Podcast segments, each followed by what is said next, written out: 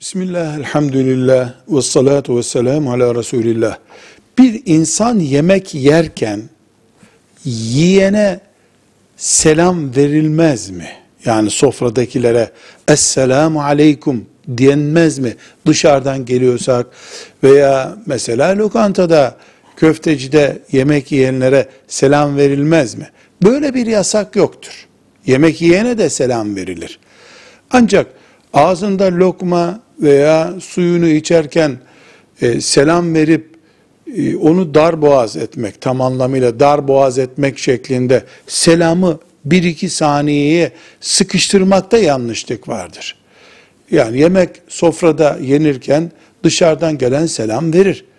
O da lokmasını bitirdikten sonra ve aleykümselam der. Bu konuda bir yasak yoktur. Velhamdülillahi Rabbil alemin.